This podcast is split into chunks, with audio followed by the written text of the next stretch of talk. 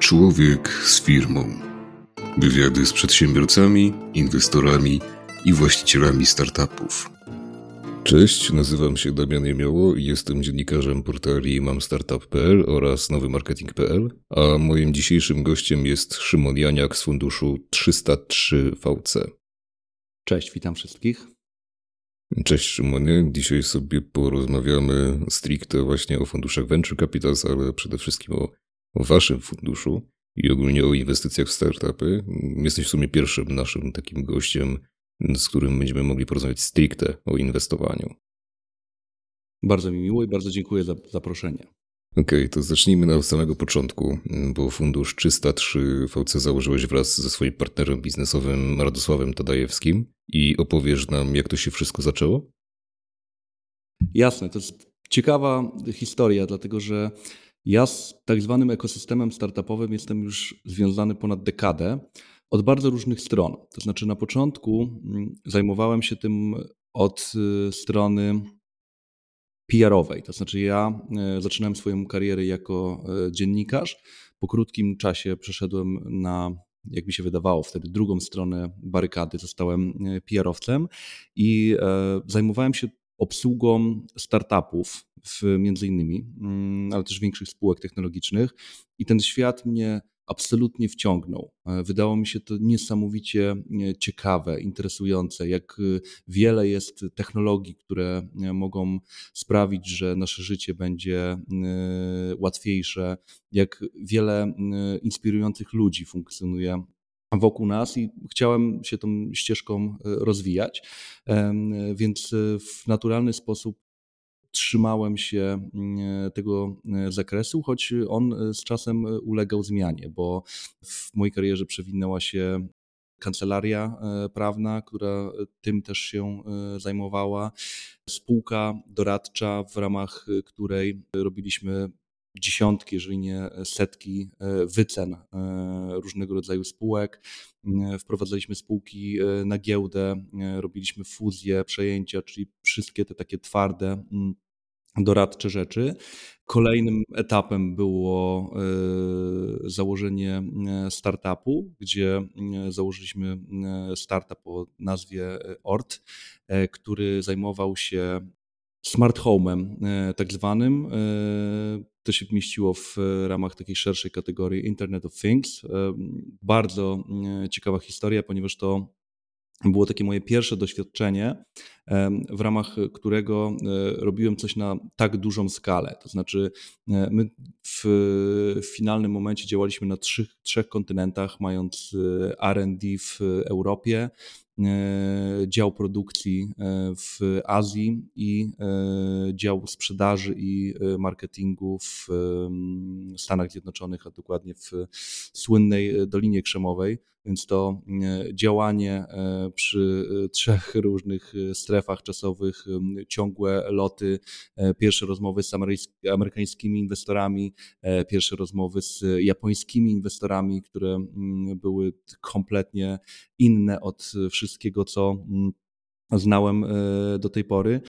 A poza tym wszystkim ja też zajmowałem się w mm, obsługą inwestycji, też w ramach działań doradczych.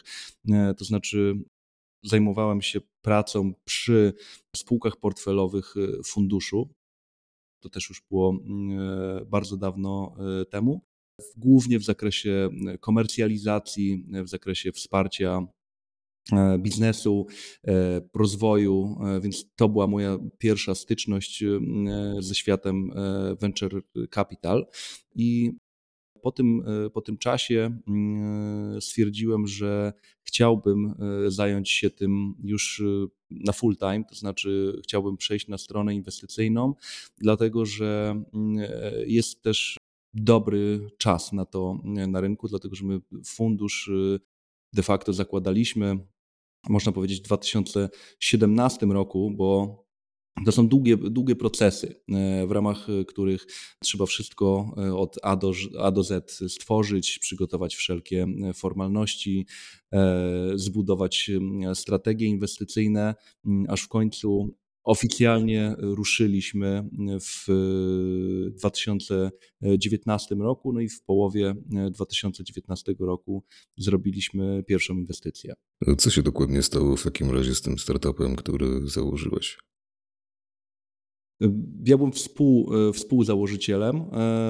Startup został e, sprzedany e, i my przyszliśmy już do kolejnych e, działań biznesowych, których zawsze co do zasady mieliśmy kilka. To znaczy Odkąd pamiętam, działaliśmy w taki sposób, że symultanicznie staraliśmy się e, mieć kilka biznesów, gdzie można to dzielić e, w pewien sposób, to znaczy z jednej strony e, skupiać się na tych bardziej ryzykownych, które mogą być bardzo intratne, ale z drugiej strony są związane z bardzo dużym ryzykiem, a z drugiej strony też realizując bardziej tradycyjne usługi E, na których e, jest e, popyt, jest pewna stabilizacja finansowa i to umożliwia takie dosyć płynne działanie, nie będąc bardzo uzależnionym od zewnętrznych przesłanek i tego, w jaki sposób funkcjonuje w danym momencie rynek.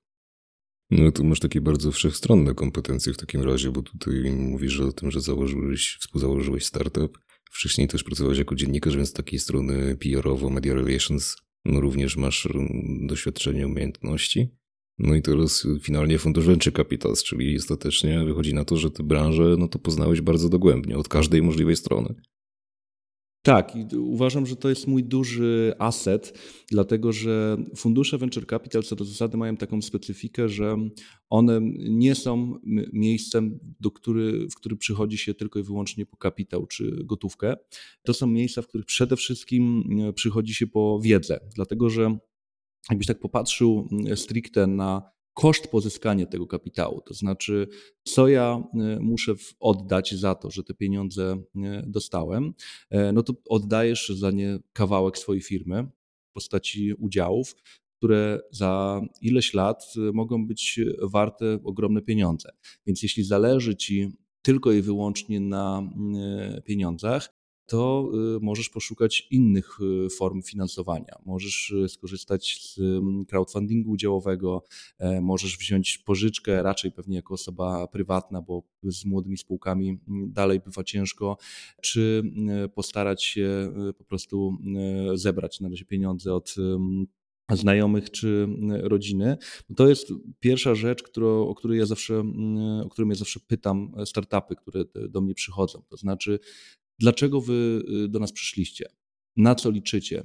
Co chcielibyście uzyskać i co innego mm, zweryfikowaliście, że zdecydowaliście się iść ścieżką venture capital, bo ona jest w pewien sposób mm, specyficzna. To znaczy, ze względu na to, że ta branża jest dosyć hermetyczna i zamknięta, pomimo faktu, że teraz mamy historycznie najwięcej aktywnych funduszy, bo około 130, mm, to dalej y, dostęp do ludzi z naszej branży jest dosyć trudny i to w naturalny sposób powoduje, że tam, gdzie informacje nie są powszechne, ludzie sobie pewne e, rzeczy dopowiadają. I my staramy się w, bardzo mocno tutaj edukować ludzi w tym zakresie, to znaczy, czego oni mogą oczekiwać od funduszu, czego nie powinni, w jaki sposób my możemy pomóc, ale e, też w jaki sposób na pewno nie pomożemy, tak, żeby stać się długofalowym partnerem i tak, żeby obie strony tej transakcji czuły e, wartość z tego. A wracając do tego, co powiedziałeś, to to doświadczenie właśnie jest tutaj kluczowe, bo e, przez te 10 lat ja zebrałem e, dosyć unikalny e, set doświadczeń. Oczywiście muszę się jeszcze nauczyć tysiąca innych rzeczy, ale błędy, które już popełniłem, a było ich całe mnóstwo, bo tylko i wyłącznie dzięki, dzięki nim jestem tutaj, gdzie jestem, pomagają mi pewnych rzeczy unikać. I teraz te spółki, które do nas e, przychodzą, mogą na tym bazować. To znaczy, e, ja mogę im doradzać w zakresie e, czy to marketingu, czy produktu, czy czegokolwiek innego. Słuchajcie, z mojego doświadczenia wygląda to w taki taki sposób, żeby uniknąć błędu, zróbcie to i to. To pozwala później fajnie mm, budować taką wzajemną więź ze spółką, z którą się pracuje. No już wspominając o tych spółkach i partnerstwie, to na waszej stronie widziałem 13 spółek w portfolio. Domyślam się, że jest ich jednak trochę więcej. I w jak wiele startupów łącznie zainwestowaliście i ile pierwsze znaczyliście na to pieniędzy? Jasne. E, generalnie jest tak, że mm, to portfolio, które jest na stronach funduszy VC, bardzo często nie oddaje rzeczywistości z prostego względu, Część spółek, która mm, jest wyjątkowo e, innowacyjna, może wnieść e, bardzo wiele zmian na e, dany rynek, często jest w pewien sposób utrzymywana w ciszy do momentu, kiedy nie jest gotowa, żeby na to e, wejść. To znaczy, e, nie opłaca się rok wcześniej mówić, że e, coś budujemy, bo automatycznie dajemy sygnał do konkurencji, że coś takiego powstaje i w pewien sposób inspirujemy innych, żeby to zrobić. Lepiej jest czasami troszkę poczekać w momencie, kiedy mm, jesteśmy gotowi na to, żeby powiedzieć o danym startupie i kiedy produkt jest już na takim etapie zaawansowania, że może być przetestowany, wtedy się go podaje do wiadomości e, publicznej. I teraz, jeżeli chodzi o nasze portfolio, to jest w pewien sposób też e, skomplikowane, e, jak to liczyć. To znaczy, czasem mamy już na przykład tak zwaną decyzję inwestycyjną, więc wszystkie formalności zostały spełnione, ale jeszcze nie mamy podpisanej umowy, bo na przykład notariusz się przesuwa ale jak tak spojrzę e, gremialnie i e, pragmatycznie, e, no to możemy powiedzieć, że w tym momencie mamy 25 zrobionych inwestycji, co udało nam się zrobić od czerwca 2019 roku i my mamy dosyć podobny ticket, to znaczy tą wartość, którą inwestujemy. W większości przypadków jest to milion złotych, czasem jest to ciut więcej, bo mamy kilka inwestycji, w które e, zainwestowaliśmy milion sto i mamy jedną mniejszą inwestycję, w którą zainwestowaliśmy e, pół miliona złotych. Właśnie jeden ze startupów, który znajduje się w waszym portfolio, czyli Staffli, no to to spółka, która niedawno miała premierę swojej platformy i powiedz mi, jak się układa współpraca między wami i czym was urzekł Filip Sobel? Fajne pytanie. E, Filip urzekł nas e, swoją pasją, dlatego że to jest bardzo młody chłopak, natomiast z relatywnie dużym doświadczeniem e, biznesowym, jak na swój wiek. Tak jak sam wspominał, on w wielu środowiskach nie był traktowany poważnie, właśnie ze względu na to, że jest młody. Natomiast my bardzo szybko zobaczyliśmy w nim bardzo duże ambicje i bardzo dużą determinację mm, do tego, żeby zrobić z tego naprawdę duży biznes.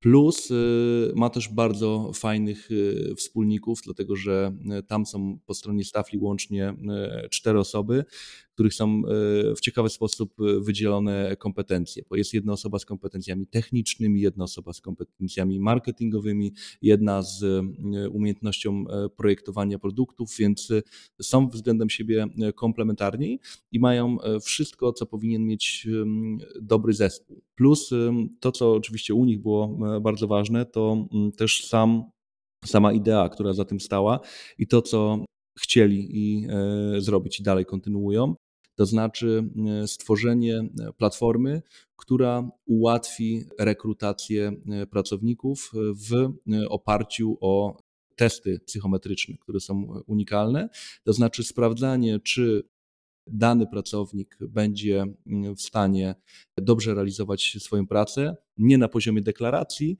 ale na poziomie tego, co mm, mówią e, o nim wyniki e, pewnych, pewnych badań. I tutaj e, Filip razem z zespołem zrobili bardzo ciężką pracę, to znaczy zbudowali od zera autorski set badań razem z naukowcami, którzy ich wspierają.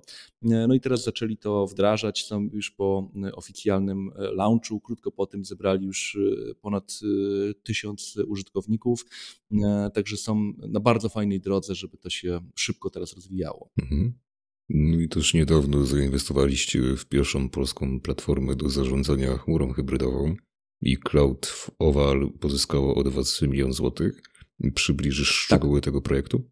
Tak, y, Cloudowal y, jest związany z zupełnie inną specyfiką niż y, Staffli, dlatego że Cloudowal to są panowie, którzy można powiedzieć, że zjedli zęby tej branży, dlatego że Krzysiek Szczygieł, który jest jednym z dwóch założycieli, przez lata pracował jako dyrektor sprzedaży w firmach, które stricte zajmowały się chmurą na tym poziomie enterprise'owym i oni generalnie znaleźli e, sposób na to, jak w efektywny sposób można zarządzać zasobami, które e, są w danym momencie w przedsiębiorstwie. Dlatego, że bardzo często duże firmy, które e, mają fizyczne serwery u siebie, tak zwane centra danych, nieefektywnie wykorzystują e, tą moc, to znaczy albo wykorzystują jej e, za mało, e, albo robią to po prostu nieefektywnie. I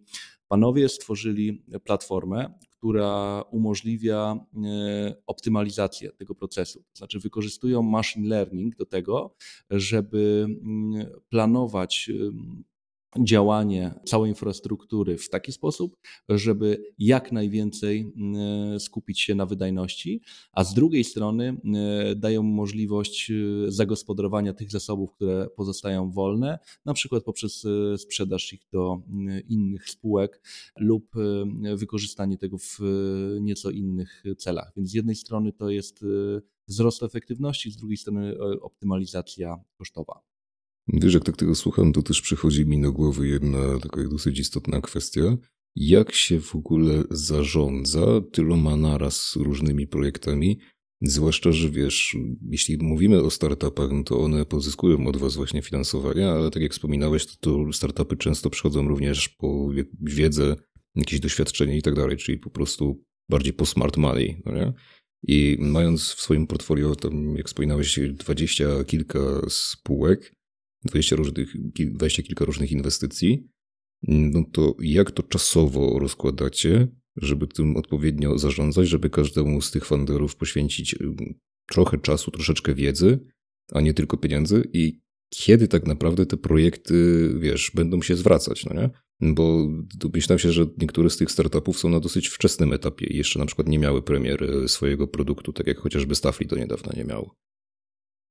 Tak, to zacznę od części pierwszej pytania, w jaki sposób tym zarządzamy. Tutaj jeszcze pikanterii dodaje fakt, że fundusze VC, co do zasady w Polsce, e, to są bardzo małe podmioty. To znaczy, my na stałe jesteśmy raptem kilkuosobowym zespołem. Mamy jednak to szczęście, że pracujemy ze sobą e, od właściwie z częścią osób ponad 10 lat, więc jakby wiemy, czego możemy od, od siebie oczekiwać.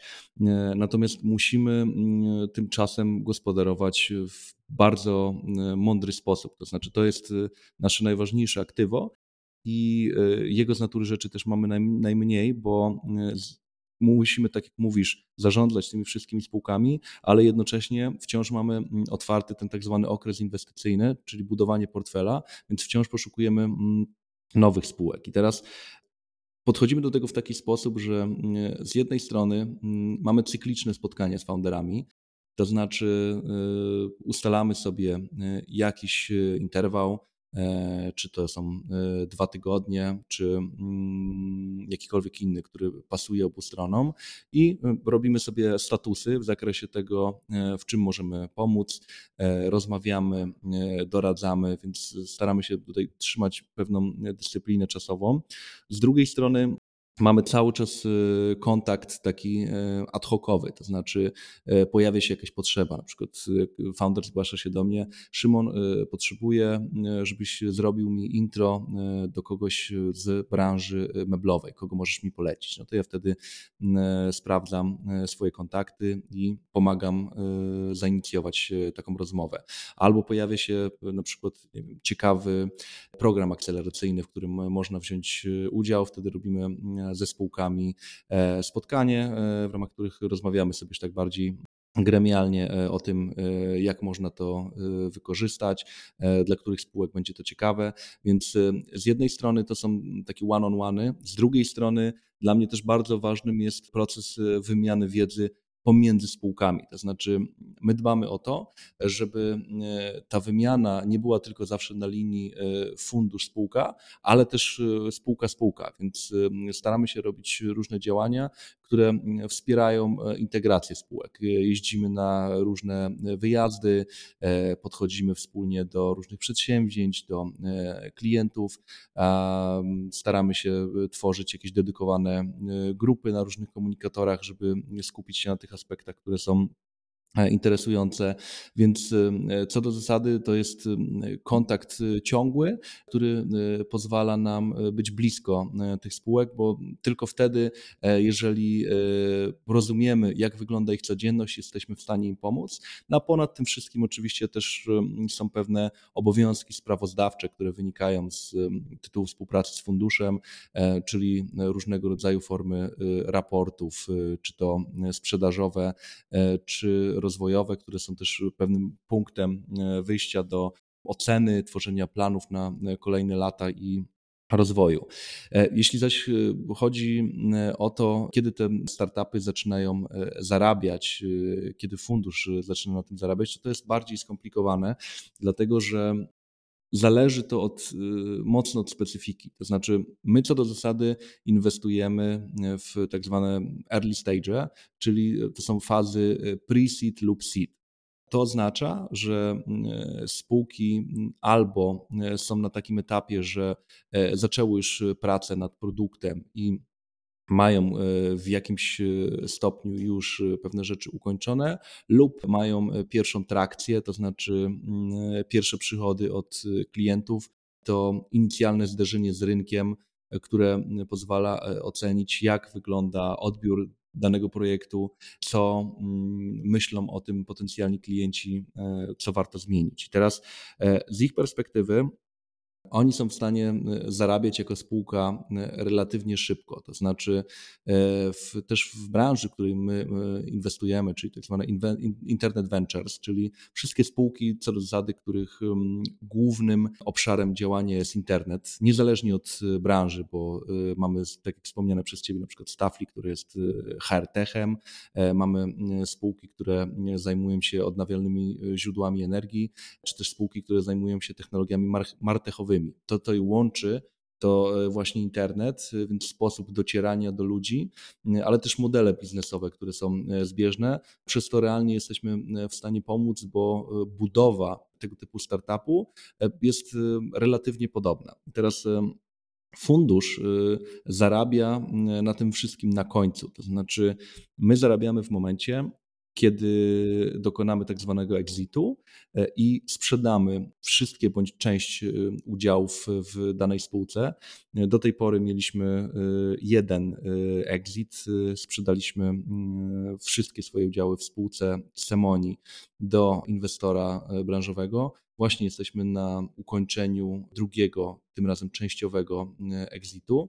To jest ten moment, w którym w funduszu pojawiają się pieniądze Natomiast tutaj co, to, co warto wiedzieć, co jest ciekawe, to fundusz de facto zarabia w momencie, w którym zwraca kapitał, który otrzymał. Więc e, jeżeli my mamy e, kapitalizację na poziomie 50 e, milionów złotych, to my de facto musimy zarobić określoną sumę pieniędzy, którą wnieśli nasi inwestorzy i zarabiamy dopiero w momencie, kiedy ta suma zostanie przekroczona, czyli e, musimy najpierw zwrócić inwestorom ich pieniądze i dopiero tym, co jest ponadto, e, dzielimy się z nimi wspólnie. No jak tak sobie prywatnie rozmawialiśmy, to wspominałeś, że prawdopodobnie jeszcze w tym roku będziecie najaktywniej inwestującym funduszem w Polsce. No i wiesz, to jest dosyć mocne stwierdzenie tak naprawdę i chciałbym, żebyś wyjaśnił, co dokładnie masz przez to na myśli. Jasne, to znaczy tutaj ta aktywność jest rozumiana jako pewne mm, tempo inwestycyjne, to znaczy fundusze mogą różnić się pomiędzy sobą e, bardzo wieloma względami. Od sektora, w których inwestują, przez e, etap, na który e, inwestują, więc tego jest cała masa. My ze względu na to, że mm, jesteśmy funduszem early stage'owym, mamy mm, relatywnie duże ryzyko, to znaczy ryzyko e, na fazie pre-seed, kiedy ten produkt jeszcze jest nieukończony, z natury rzeczy jest dużo wyższe niż w spółce, która na przykład od czterech lat zarabia pieniądze, ma pewną dynamikę wzrostu i ma też przewidywalną przyszłość w jakimś tam krótkim okresie. I teraz my w pierwszym roku, 19, zrobiliśmy pięć inwestycji.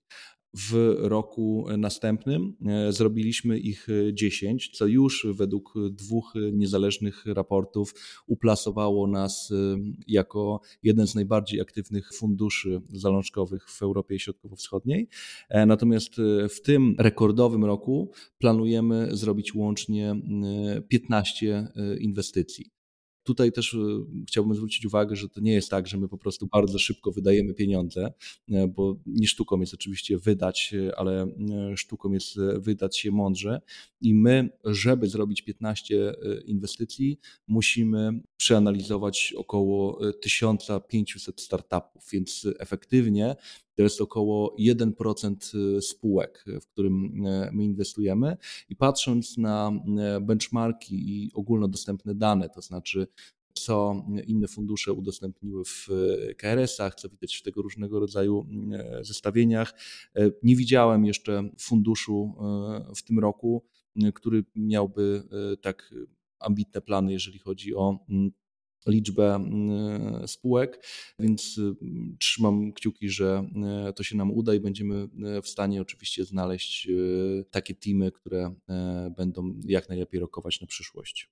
A zdradzisz, co było waszym takim największym dotychczasowym sukcesem? No bo domyślam się, że jednym z takich sukcesów będzie właśnie bycie najaktywniejszym funduszem w Polsce, a poza tym? Wiesz co, y, namówienie o sukcesach jest y, moim zdaniem za wcześnie, mhm. dlatego że y, jako fundusz Venture Capital my mamy relatywnie odroczoną gratyfikację. To znaczy, przeciętny fundusz jest zakładany na 8 do 10 lat, gdzie w pierwszym cyklu inwestuje pieniądze, w drugim cyklu e, robi dezinwestycje. Więc u nas, biorąc pod uwagę fakt, że my realnie, tam, tak jak wspomniałem, pierwszą inwestycję zrobiliśmy w czerwcu 2019, e, jesteśmy na etapie, e, w którym Teraz te spółki się rozwijają, to znaczy część zaczęła komercjalizację, część e, już to robi. Natomiast to też, czym my możemy się e, pochwalić i co uważam za bardzo motywujące, to jest to, że e, nasze spółki już generują łącznie jako portfel około 25 milionów przychodu plus część z nich już osiągnęła ten tak zwany break-even point, czyli po prostu są rentowne i przynoszą zysk na koniec roku.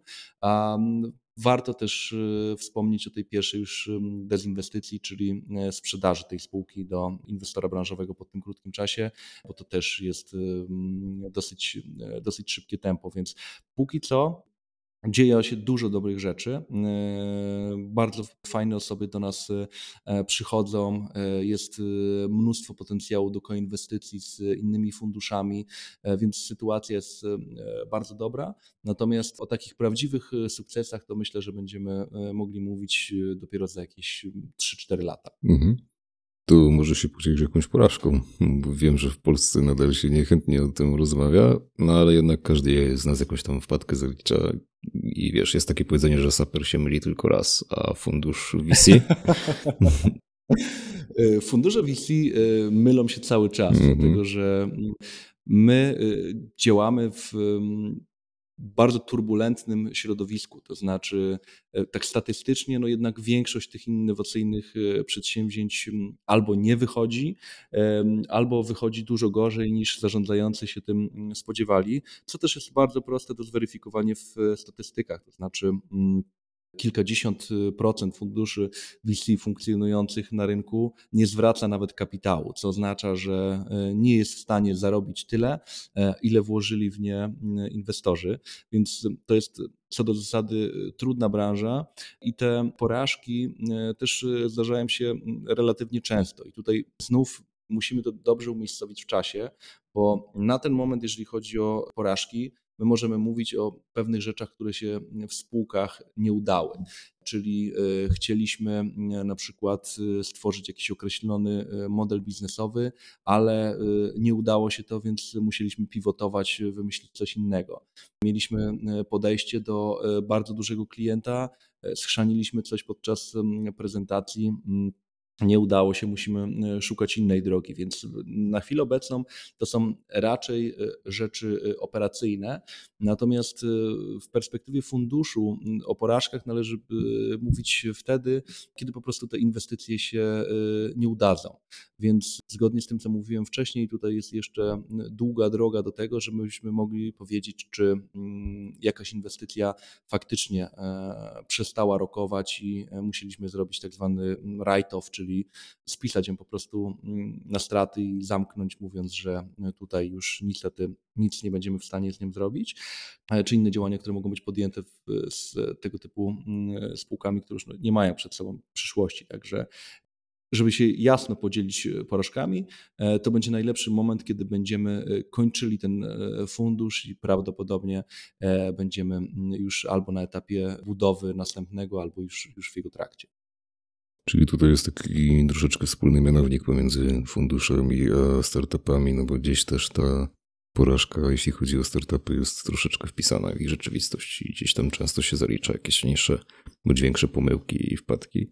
Ale to, o czym bym chciał jeszcze z Tobą porozmawiać, to podkreślasz w sumie wielokrotnie, że rynek VC jest pełen bufonów i niedawno mówiłeś o tym na swoim podcaście, a kiedyś także w swoim artykule na LinkedInie pisałeś o tym.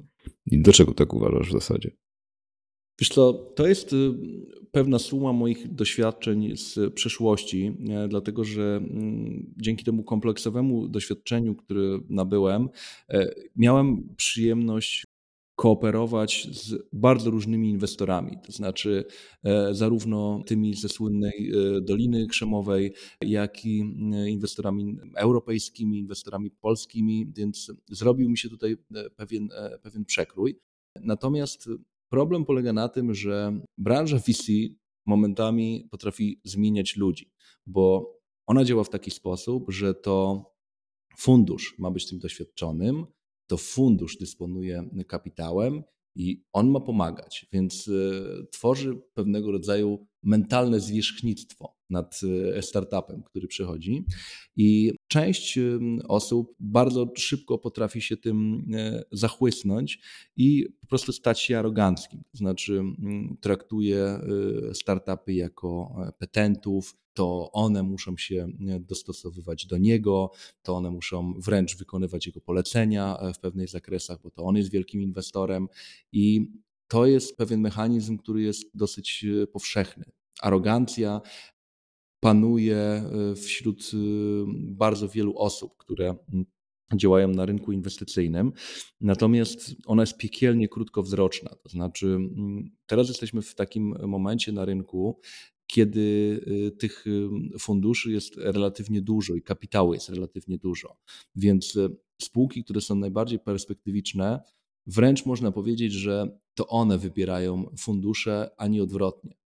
Więc jeżeli będziemy mieli mm, do dyspozycji mm, osobę, która już na spotkaniu wyda nam się złym partnerem biznesowym na przyszłość, no to z natury rzeczy jej nie wybierzemy. Mm, a tutaj jakby historie, które ja miałem osobiście, czy których czytałem, są niesamowite. Tak? Ja ostatnio pisałem o jednym spotkaniu z panem z dużego funduszu niepolskiego, który podczas rozmowy z nami, bo ja akurat wtedy wspierałem naszych founderów, w których to była jedna z pierwszych tego typu rozmów, Pan się poczuł bardzo komfortowo podczas rozmowy i zaczął bardzo ostentacyjnie jeść spaghetti. No właściwie bardziej powiedziałbym, że żreć, bo robił to w taki dosyć wiesz, mocny y, sposób, siorbiąc i y, zachwycając się mm, swoim dobrodziejstwem kulinarnym.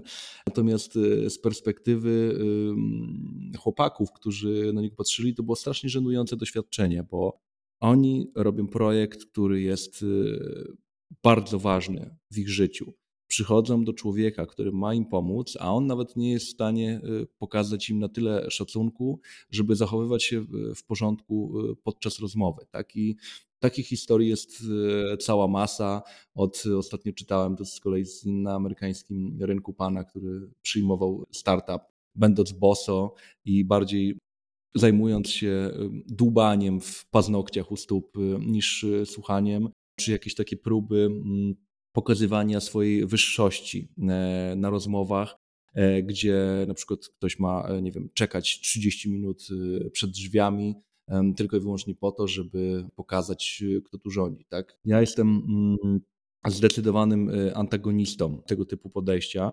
To znaczy, ja wychodzę z założenia, że w życiu my możemy się e, znaleźć e, w bardzo różnych miejscach w bardzo krótkim czasie i to, że e, w danym momencie mm, mamy fundusz, wszystko układa się dobrze, nie oznacza, że za pół roku nie będzie zwrotu o 180 stopni i czy petent, jak to zwykły mawiać pewne, pewne fundusze, nie będzie później kimś, od którego będzie zależała nasza przyszłość. Więc ja staram się w ogóle rozbić tą e, barierę pomiędzy e, funduszem a startupem. E, bardzo mi zależy na tym, żebyśmy traktowali się wzajemnie jako partnerzy, wręcz jako e, wspólnicy. I tak staram się do tych e, relacji podchodzić e, z szacunkiem, nie nadużywając pozycji inwestora, chcąc po prostu razem zrobić coś, coś wspólnego i coś fajnego.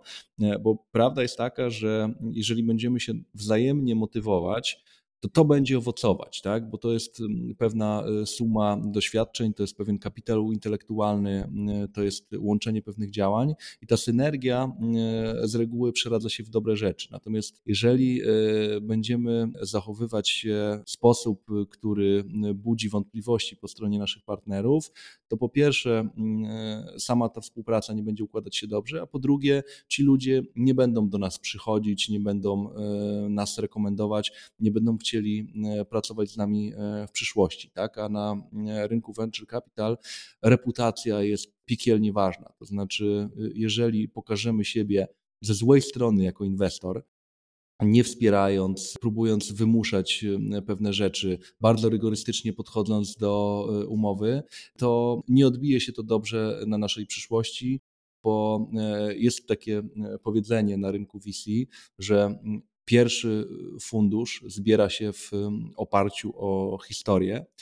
Drugi fundusz y, również zbiera się w oparciu o historię, bo najczęściej ten pierwszy się jeszcze nie kończy, a trzeciego już się nie zbiera, bo y, widać, jakie są y, wyniki w tym pierwszym. I mówię to dlatego, że z jednej strony y, musimy dbać o te relacje, ale z drugiej y, musimy też dbać o dobro spółki i y, o to, żeby realizować swoje zobowiązania wobec inwestorów, czy nawet to, co opowiadaliśmy startupom na samym początku, czyli zmierzamy do tego, żeby ta wartość spółki wzrosła, żebyśmy wszyscy byli beneficjentami tego sukcesu na końcu bo to jest ten moment, w którym możemy wspólnie powiedzieć, że e, coś nam się udało. Powiem szczerze, że jak tak tego słucham, to przypomniała mi się taka jedna ciekawa kwestia, takie jedno ciekawe pytanie, które kiedyś przeczytałem. Wiesz, kto jest najważniejszą osobą na świecie? Nie mam bladego pojęcia. Ta, z którą obecnie jesteś.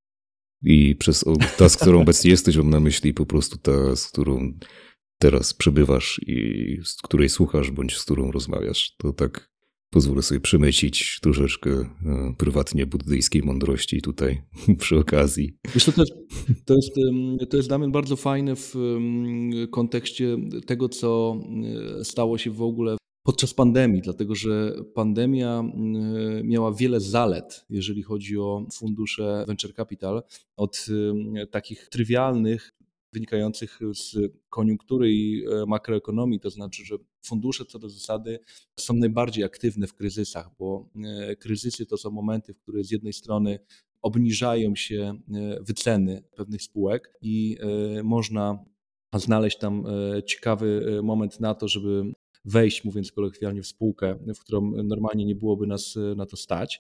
Natomiast y, z drugiej strony ona też pokazuje, które y, sektory zaczynają bardzo szybko rosnąć. Jeżeli ten moment wyłapie się już y, na początku tego marazmu gospodarczego, no to można bardzo ciekawe efekty z tego uzyskać. Natomiast pandemia nieco zdehumanizowała ekosystem startupowy. To znaczy, to jest bardzo ambiwalentne, bo z jednej strony otworzyła fundusze na świat. Zmieniła to przekonanie, że y, trzeba uścisnąć czyjąś dłoń y, na żywo i trzeba przyjechać i zobaczyć jakieś biuro, żeby zrobić dobrą inwestycję. E, więc dzięki temu polskie fundusze mogły zacząć inwestować w dowolnym miejscu na świecie, co jest bardzo rozwijające i bardzo dobre dla tego sektora. Natomiast y, z drugiej strony ta ciągła komunikacja y, przez różnego rodzaju komunikatory powoduje, że ciężej jest nawiązać taką głęboką relację z founderami. To znaczy, ja wszystkich naszych y, founderów znam osobiście.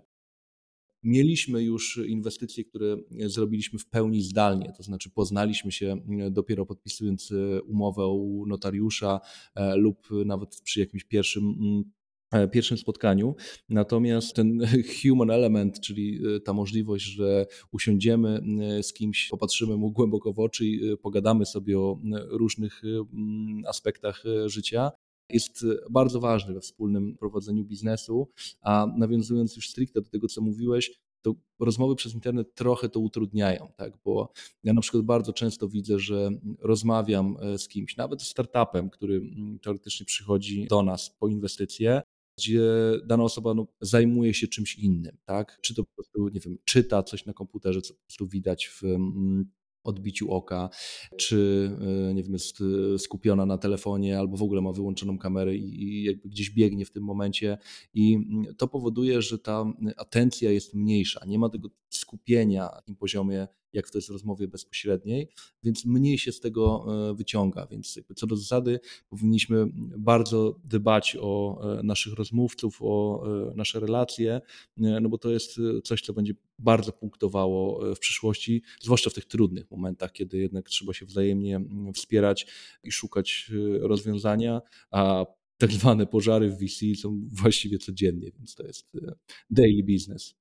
Mhm. No, się z Tobą zgadzam całkowicie. Faktycznie, jeśli chodzi o internet, jest troszeczkę trudniej tę uwagę utrzymywać non-stop. Jeśli chodzi o Twojego rozmówcę, faktycznie mamy więcej wtedy rozpraszaczy, jest łatwiej gdzieś tam uciec niż w przypadku takiej rozmowy jeden na jeden, face to face, bezpośrednio. Nie?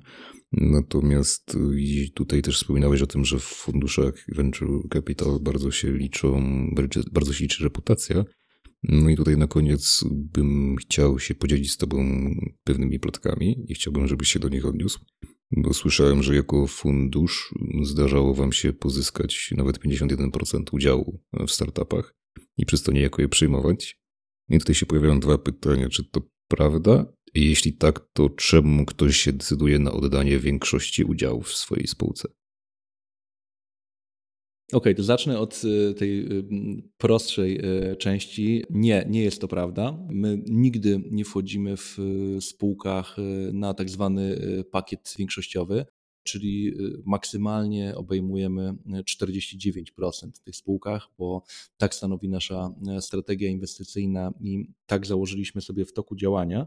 Natomiast tutaj trzeba wrzucić pewien szerszy, szerszy kontekst, dlatego że to, ile kto ma udziałów w spółce, bardzo zależy od tego, jak wygląda struktura danej transakcji. To znaczy, patrząc tak trochę historycznie, rynek venture capital się zmienił. To już nie jest tak, że mm, każdy startup potrzebuje iść do e, VC, potrzebuje e, pozyskiwać kolejne rundy. To jest dla niego jedyny model rozwoju. E, jest coraz więcej startupów, które bootstrapują, czyli które działają w oparciu o własny kapitał, nie mają zewnętrznych y, inwestorów. Jest coraz więcej mm, startupów, które y, decydują się korzystać z crowdfundingu udziałowego, czy współpracować na przykład tylko z y, inwestorami w formie aniołów biznesu. Więc jakby po stronie startupowej to się zmienia. Natomiast bardzo mocno Zmienia się też rynek samych funduszy. I tak samo jak mówiłem przed chwilą, to też już nie jest tak, że wszystkie fundusze ślepo biegają za jednorożcami i mają zainwestować w nie wiem, 20 spółek, y, z czego 15 upadnie, trzem pójdzie średnio, a dwie zwrócą cały portfel. My na przykład jesteśmy przykładem takiego funduszu, który nie ugania się za jednorożcami. My skupiamy się na takich spółkach, które są w stanie relatywnie wcześniej osiągnąć punkt rentowności i trochę wcześniej zarabiać. Więc mamy dosyć inną e, awersję do ryzyka niż jest to w e, typowym VC. I teraz, jeżeli na przykład e, Y Combinator jako mm, jeden z mm, kluczowych takich drogowskazów świata startupowego, jeżeli chodzi o pewne praktyki rynkowe, mówi, że pierwszy fundusz nie powinien zabierać więcej niż 7,5% udziałów, to to owszem ma znaczenie, Natomiast jeżeli szukamy e, jednorożców, natomiast jeżeli ten deal wygląda zupełnie inaczej, to znaczy e, my nastawiamy się, że będziemy ostatnim funduszem, bo mamy pomysł na to, jak tą spółkę z dużym zyskiem e, sprzedać w przeciągu trzech lat. Mamy e, gotowego inwestora branżowego, który chce ją e, kupić po osiągnięciu pewnych, pewnych założeń biznesowych, lub mamy inną wspólną wizję, to znaczy chcemy pracować nad tym razem, nie wiem, pozyskując kapitał publiczny czy jakikolwiek inny. Tutaj ta e, percepcja, ile my powinniśmy mm, mieć procent, trochę się rozmywa. Bo jeżeli przychodzisz do mnie jako mm, początkująca osoba, e, nie masz do, do końca mm, pomysłu, którą e, stronę powinien rozwijać się Twój startup, a ja powiem Ci, że mam gotową koncepcję na to, dam Ci na to pieniądze, i e, w perspektywie 3-4 e, lat dam Ci sposób na wyjście z tej inwestycji, to może być to dla Ciebie po prostu bardzo lukratywny deal, bo obaj na tym zarobimy i obaj będziemy z tego tytułu e, bardzo zadowoleni. Więc najważniejsze jest to, żeby zarówno fundusz, jak i startup czuł, że to jest dla niego dobra droga i że e, nie robi tego e, deal na siłę, tylko e, jest coś, co w perspektywie opłaci się obu stronom. Natomiast dokładając jeszcze cegiełkę do tego, co ty powiedziałeś, to znaczy ja osobiście znam fundusze, które inwestują w taki sposób, że obejmują nawet 90% udziałów w danych startupach ja absolutnie tego nie krytykuję, z tego względu, że mm, to jest y, ich decyzja. Tak, tak wysokie poziomy udziałowe najczęściej są przy mm, tak zwanym venture buildingu, czyli mm, jest część funduszy, która e, zdecydowała, że biorąc pod uwagę ogromną konkurencję, która jest obecnie na e, polskim rynku, nie chce e, na siłę szukać zespołów, tylko sama jakoby tworzy te pomysły, czyli tworzy się pewna koncepcja, e, jakaś idea, następnie fundusz wkłada w to pieniądze i to, czego on e, potrzebuje, to jest tak naprawdę zespół, który e, ma to wykonać. Tak? Więc pozyskuje ten zespół, oddaje im 10 czy 20% udziałów i w ten sposób to rozwija. I znów to nie jest raczej model, w którym typowy VC będzie chciał tutaj wejść do drugiej rundy, bo Founderzy po pierwsze nie budowali tego od, od zera, po drugie mają nieco inną e, motywację, ale jest to też e, pewien pomysł na biznes, więc e, jakby trzeba być otwartym, trzeba rozumieć, że mm, ten świat się zmienia, że zmieniają się startupy, zmieniają się fundusze i trzeba podchodzić do tego z otwartym umysłem i starać się zrozumieć, co za tym wszystkim stoi i jaka jest celowość pewnych działań, które są podejmowane w danym obszarze. I myślę, że w tym właśnie miejscu byśmy sobie zakończyli tę naszą rozmowę.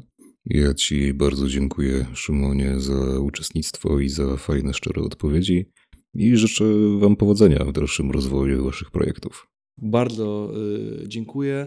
My co do zasady jesteśmy jeszcze aktywni do e, końca przyszłego roku, także wykorzystam tę okazję, żeby powiedzieć, że jeśli ktoś szuka e, finansowania na wczesnym etapie z branży Internet Ventures, bardzo chętnie obejrzymy każdego deka, doradzimy i porozmawiamy o wspólnym budowaniu przyszłości. Dziękuję Ci, e, Damian, bardzo serdecznie za e, rozmowę i dziękuję wszystkim słuchaczom.